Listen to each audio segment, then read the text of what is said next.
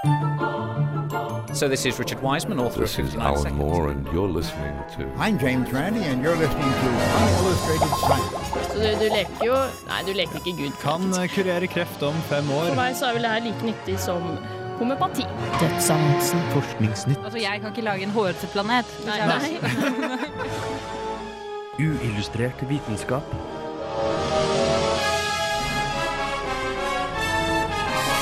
Science, it works, bitches. Hva kan genene dine fortelle om deg? Enkle genetiske tester du kan gjennomføre selv, blir stadig billigere. Men ønsker du virkelig å høre hva de vil si?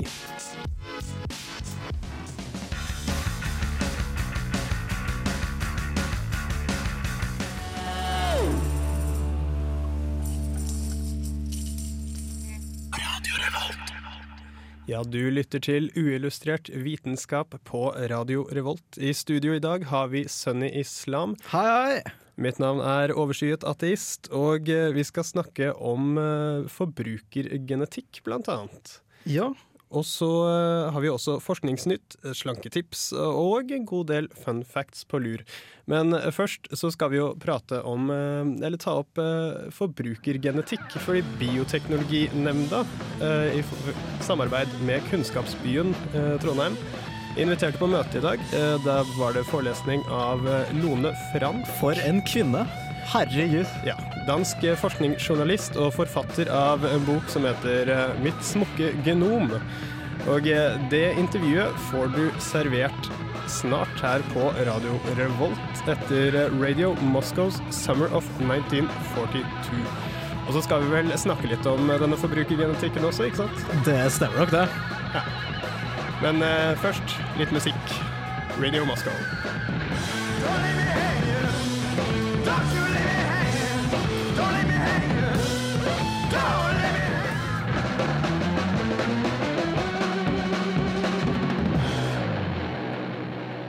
Vi har nå med oss eh, Lone Frank, eh, forskningsjournalist og forfatter av Mitt eh, smukke genom.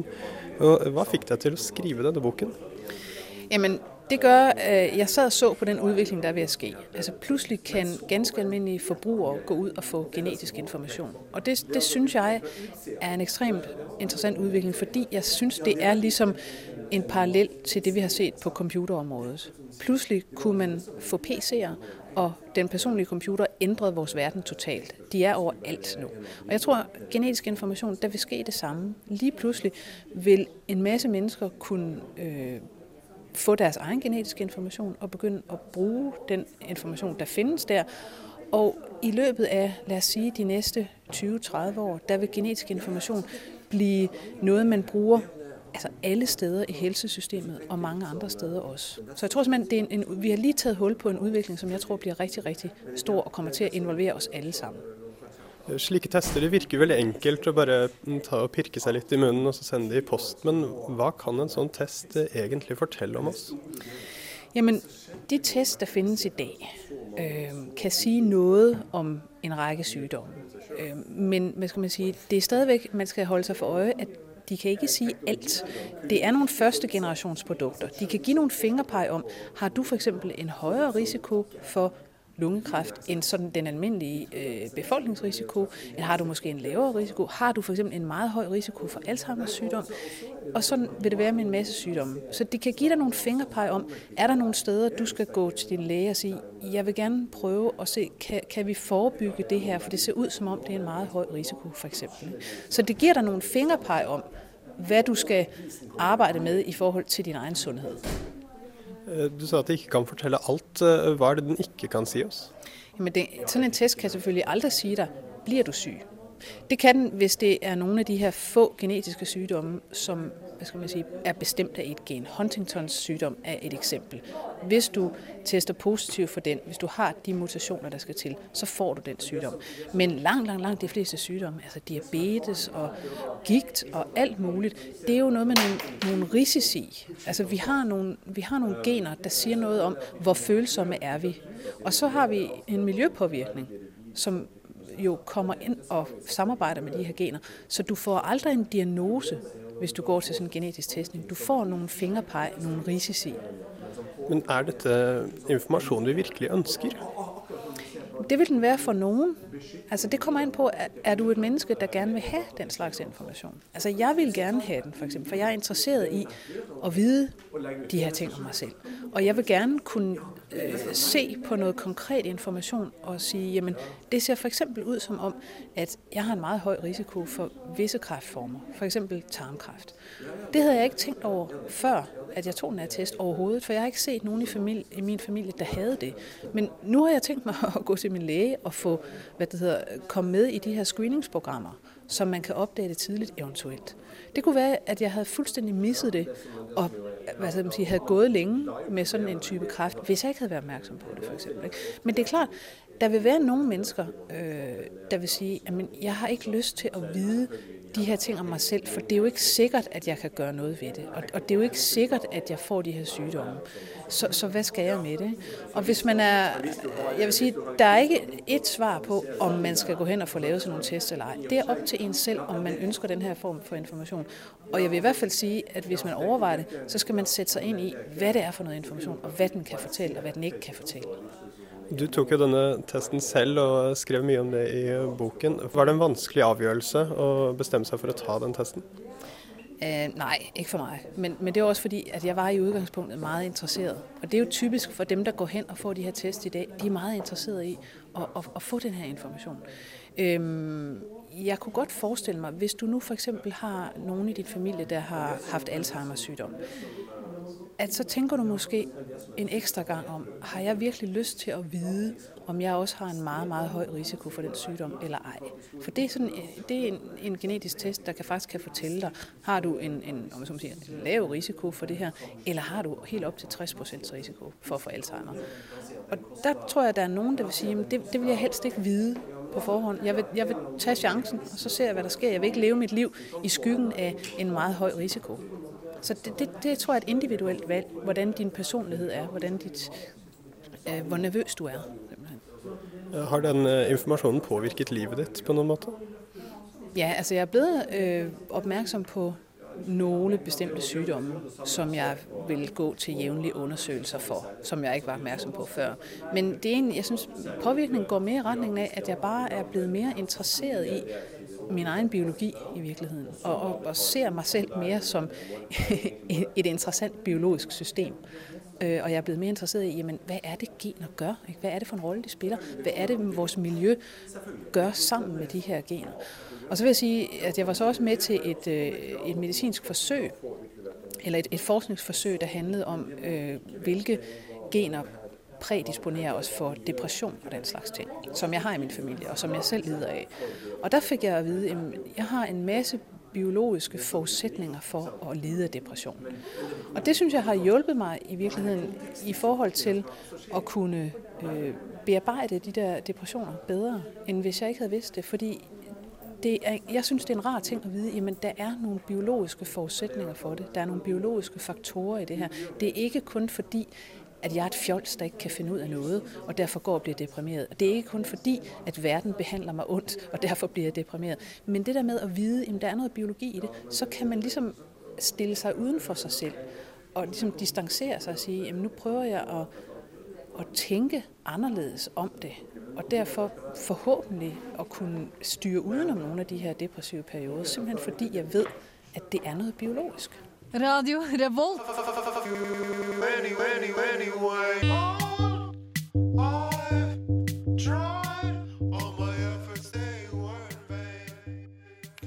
Der hørte du Leila med 'Anyway'.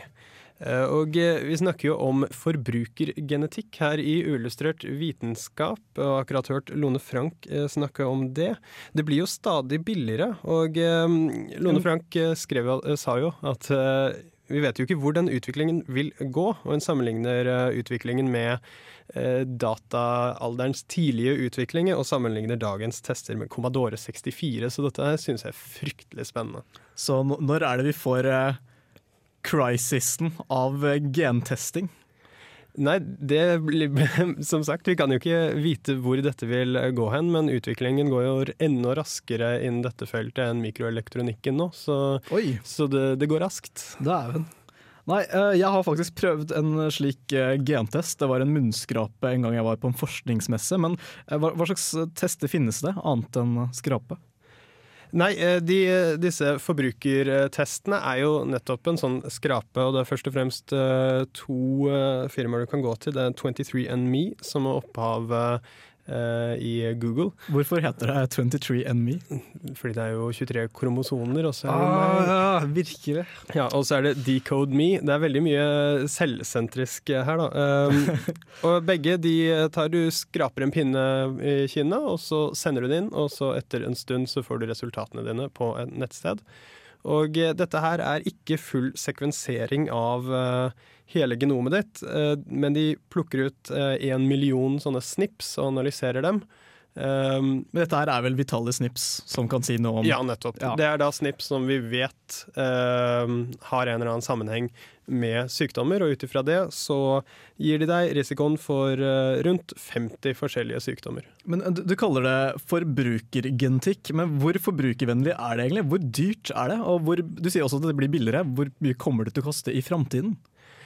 Ja, eh, forbruker fordi du kan gjøre det hjemme selv. Eh, prisene har blitt eh, ganske lave. DecodeMe de selger det for rundt eh, 1000 dollar. Men det, en, men det er en kunstig høy pris, fordi de vil egentlig ikke at så veldig mange privatkunder de, de vil heller få større firmaer som leverer mange, sånn leger f.eks. kan levere en haug.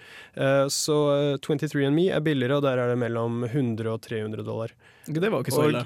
For fem år siden så sa jo disse ekspertene innen Human Genome Project og sånne ting at de, de kunne jo aldri, se for seg at det vil bli så billig at hvem som helst kan gjøre dette.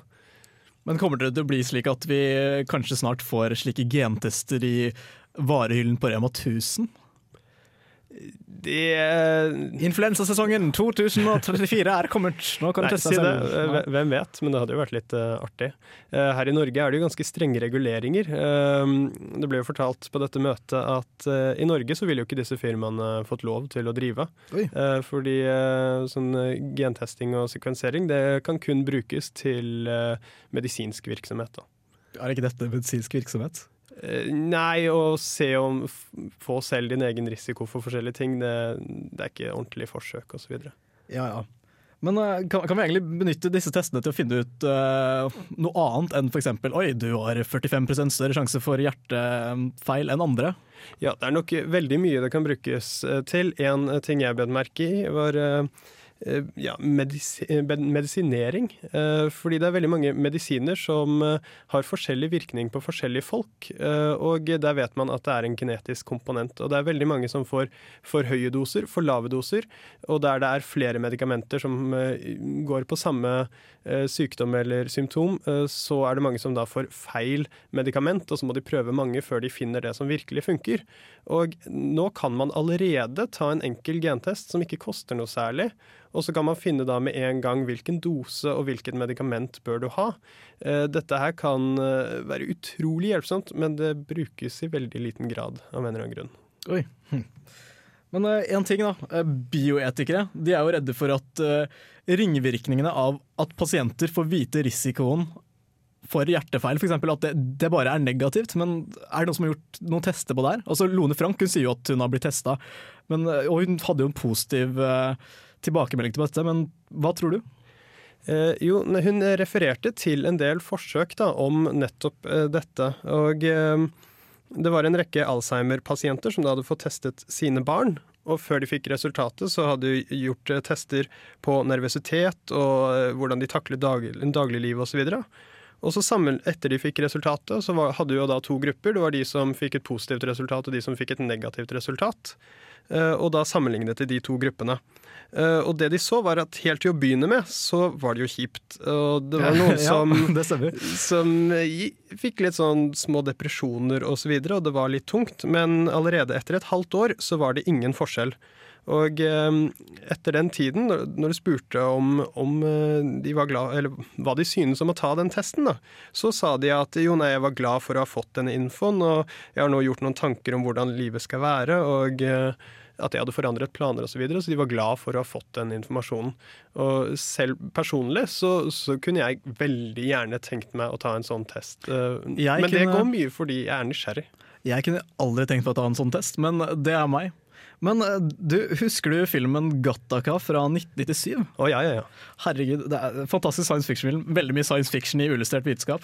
Men uansett, i denne filmen så er det i framtiden, og istedenfor at uh, du f.eks. tar og ser på CV-en til en person i et jobbintervju, så tar du heller og tar en DNA-test av en. Tror du at uh, forbrukergenetikk kommer til å bare eskalere på samme nivå som de gjorde i filmen Gattaca? Eh, Både ja og nei. Eh, De har allerede lovgivning mot genetisk diskriminering i USA. Det finnes ikke noe slikt i Europa, men sånn, alle disse dilemmaene vil tas opp.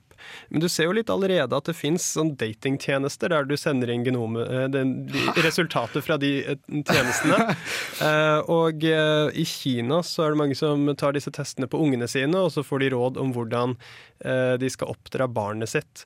Eh, men dette her er jo eh, rett og slett eh, ren og skjær bullshit. Det funker jo egentlig ikke, fordi eh, det er ikke bare genetisk determinert, dette her. Fy faen, så jævla teit.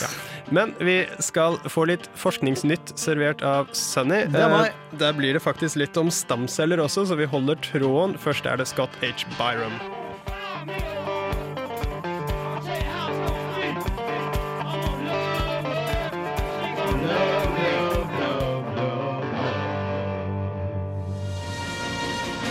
Uillustrert vitenskap presenterer Forskningsnytt.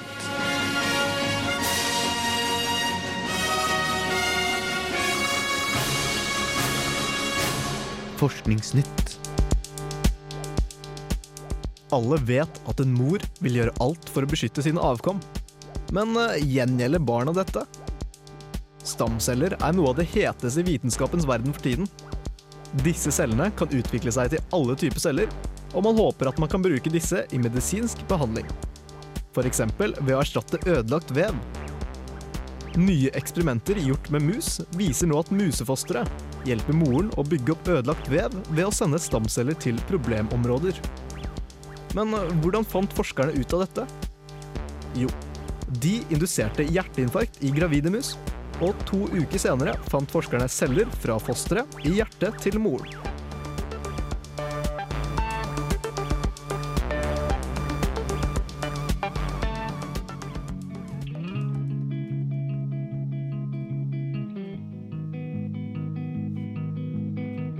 Har du noen gang gått inn i et rom og glemt hva du skulle hente, finne, si eller gjøre?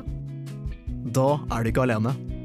I en forskningsrapport publisert i Quarterly Journal of Experimental Psychology har man kommet frem til at mennesker har vanskeligheter for å huske avgjørelser etter man har forflyttet seg til et annet rom. Grunnen til at man glemmer ting når man krysser dørstokken, er fordi hjernen tolker romskiftet som en hendelseavslutning. Hjernen har problemer med å huske hva du tenkte i det forrige rommet, fordi avgjørelsen i henhold til hjernen ble tatt i et annet hendelseforløp. Hvis du synes det er helt forferdelig å glemme om du skulle hente nøklene eller spise mat, er mitt råd til deg å flytte inn i en bolig med mer åpne løsninger.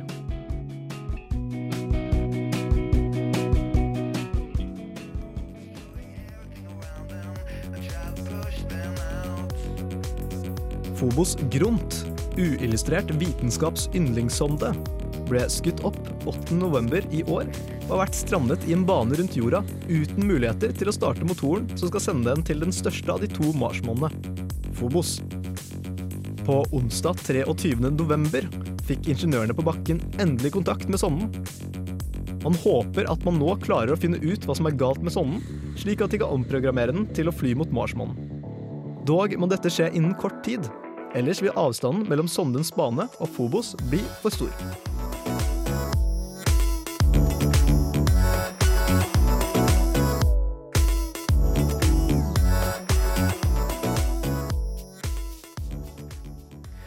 Forskningsnytt eh, som eh, alle uker der, men denne gangen servert av eh, Sunny på meget godt vis, vil jeg påstå.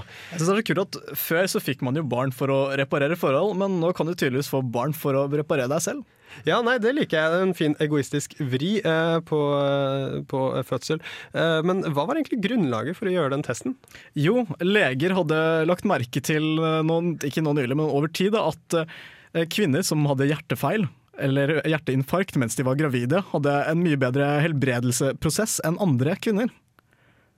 Og eh, kan man kanskje som en eh, fin new ager si at uh, ungen, som er en sånn ny sjel, kanskje sender ut positive energier til moren? Ja, de, de har sånn der, nytt magnetfelt ja. rundt seg og indre krystaller. Ja, alt, egentlig.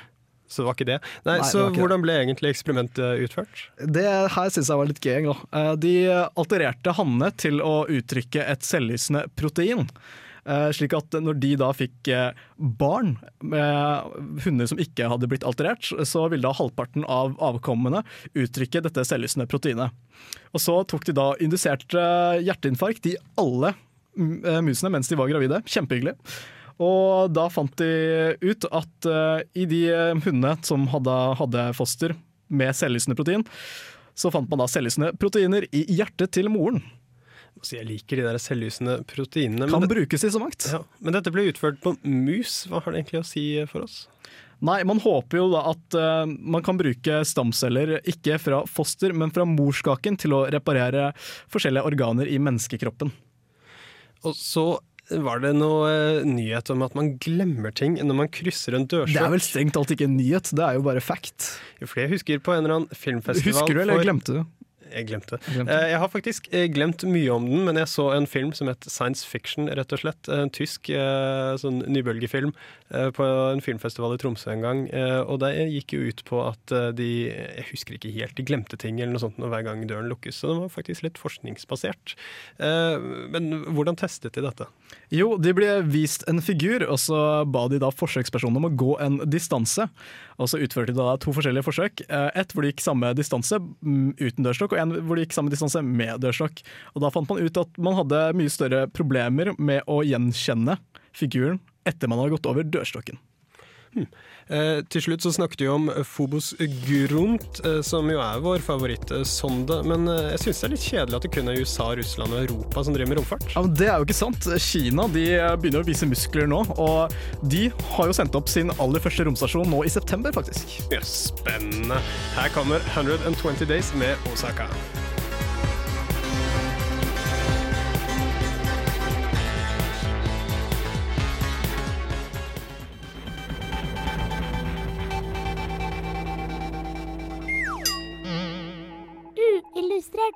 Vitenskaps fun fact-skole.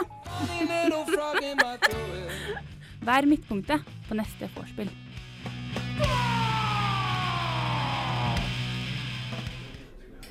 Visste du at verken Grønland, Irland, Island eller New Zealand har naturlig forekomst av slanger?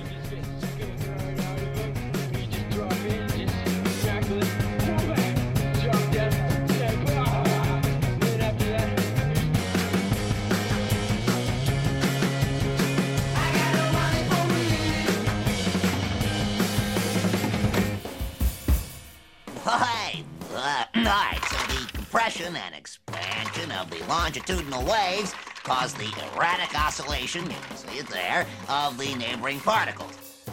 Uillustrert vitenskap. Ja, programmet er fortsatt uh, uillustrert vitenskap, og her svinger det etter vi spilte Got No Money med Fiddler. Og uh, før det så kom jo en liten fun fact uh, om slanger. Yeah, but I got more fun facts for you. Wow! Wow. Ja, nei, fordi dyr, vi er jo dyr, og vi har jo som regel eh, parorganer, som f.eks. nyrer. Og det har faktisk slangen òg. Men i slangen så ligger de ikke da side om side, men heller etter hverandre i slangen. Yes. Det syns jeg er sykt kult. Eh, Og så er det en til eh, som er bygget på denne, og det er at eh, de fleste slanger har bare én lunge. Jeg har også én til. Eh, Slanger er vanvittig energieffektive, og noen av eh, slangeartene kan overleve i opptil to år uten mat. Slanger, eh, kule dyr der. Eh, Du har jo faktisk noen slanketips til oss også. Eh, Ja, jeg dedikerer dem til Jeanette. Hva er det du har gjort med uillustrert vitenskap, Sunny? Men du får i hvert fall først høre Billy Fye med 'Tearing Apart'.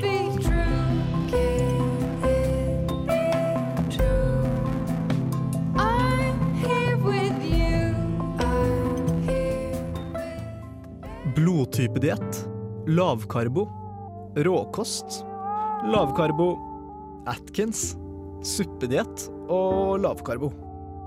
Å være tjukk, det er ikke greit. Overvekt kan føre til komplikasjoner som diabetes, høyt blodtrykk og kolesterol. Dietter finnes i fleng. Du har prøvd alle, men er fortsatt feit som en julegris. Hva er det du gjør galt?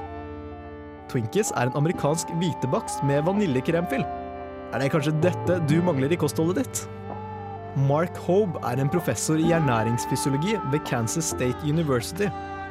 Han mener at det er antall kalorier du konsumerer og forbrenner som er det viktigste når man ønsker å oppnå et vekttap, og ikke næringen man får i seg.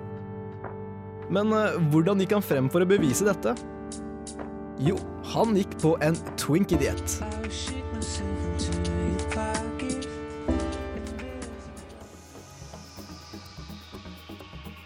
Dietten besto i all hovedsak av Twinkies og andre godsaker. I tillegg til dette tok han multivitamintabletter og proteinshake for å ikke bli underernært. En mann av hans størrelse bør ha i seg 2600 kalorier hver dag, men under dietten fikk han i seg 1800. Og resultatet? Jo, etter ti uker hadde fettprosenten til Hobe gått ned fra 33 til 25% Det dårlige kolesterolet sank med 20, og det bra kolesterolet økte med 20. Twinkies eller ikke Twinkies? Om du ønsker å gå ned i vekt, må du nok kutte ned på matinntaket ditt, din tjukkas.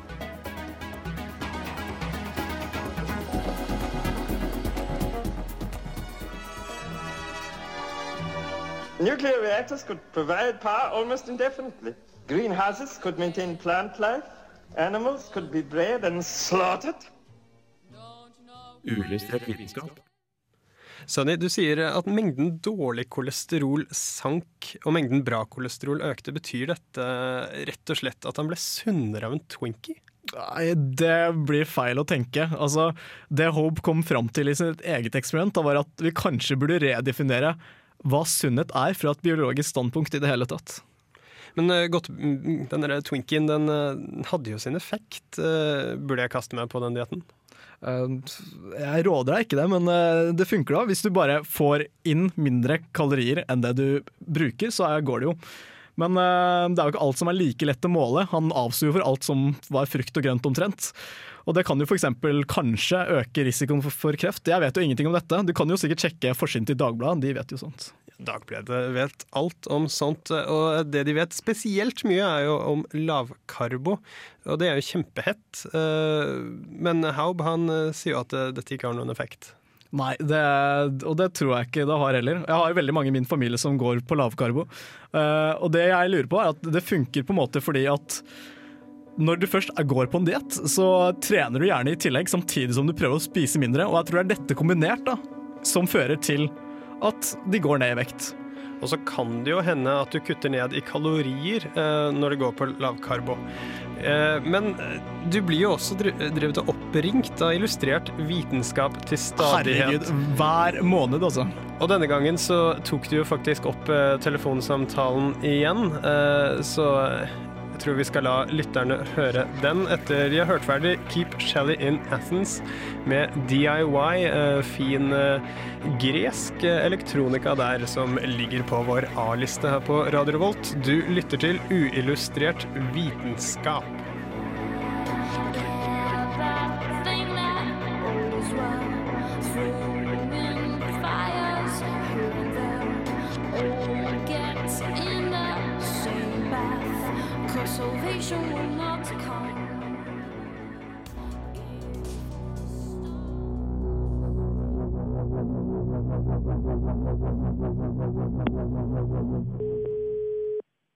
Yes, du snakker med Sunny fra Uillustrert vitenskap. Hei, du. Det er Arne Turi Brudi fra Illustrert vitenskap som ringer. Hva er det du vil nå, da, Arne?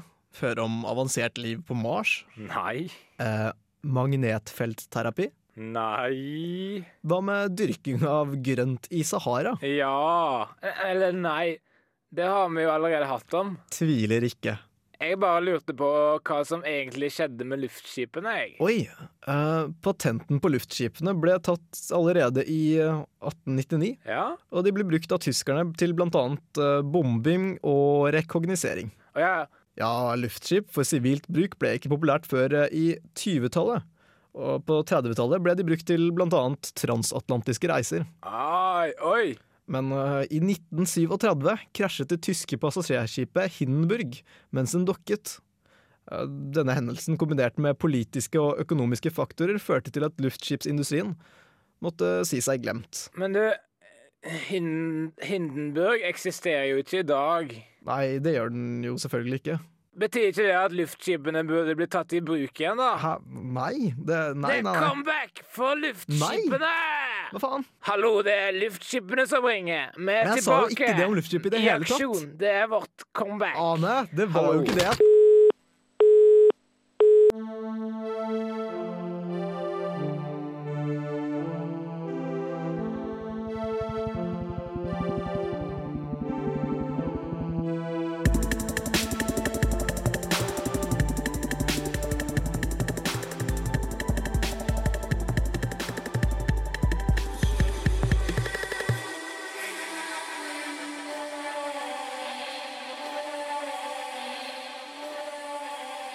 Hører på Radio Revolt, studentradioen i Trondheim. Quedos låt uh, 'Scissors' ble vår nest siste låt denne sendingen, fordi som alltid Ikke løp med denne låten. går vi uh, Nei, ikke løp med denne låten, den er skarp. Uh, men jeg vil påpeke én ting fra eh, debattmøtet i dag med Lone Frank, og det var at Pek i vei. jeg var antagelig yngst, eh, slik jeg oppfattet det. Eh, De aller aller fleste var godt voksne. Det synes jeg er litt rart. eh, Kan det også... ha det med at du blir eh, mer obs på din egen helse når du begynner å nærme deg din dødstid. da.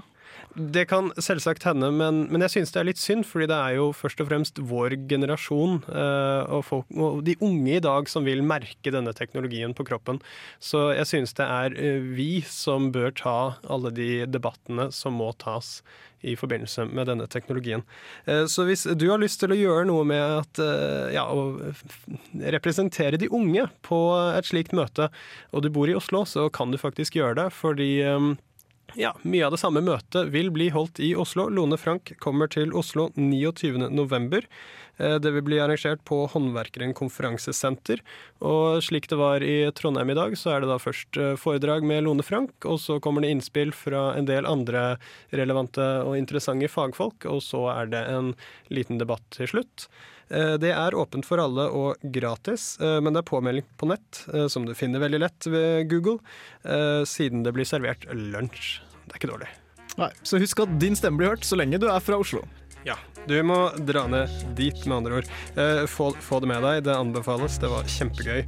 Eh, men eh, ja, vi begynner jo å gå virkelig tom. Eh, og etter oss så kommer jo alltid Filmofil. Filmofile. Hva skal de ha med i dag, da? Nei, de skal vel ha med denne nye filmen til Johnny Depp, The Rem Diaries. Ja. Vi får si ha det godt. Ha det på badet.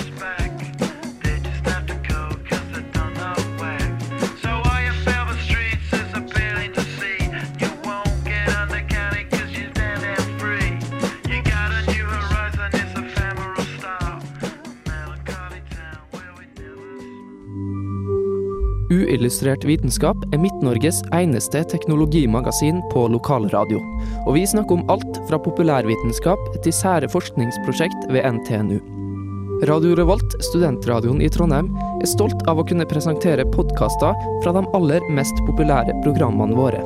Hvis du har lyst til å høre mer fra Radio Revolt, hvem vi er og hva slags musikk vi spiller, så kan du høre oss på FM-båndet i Trondheimsregionen, eller streame sendingene våre live på radiorevolt.no.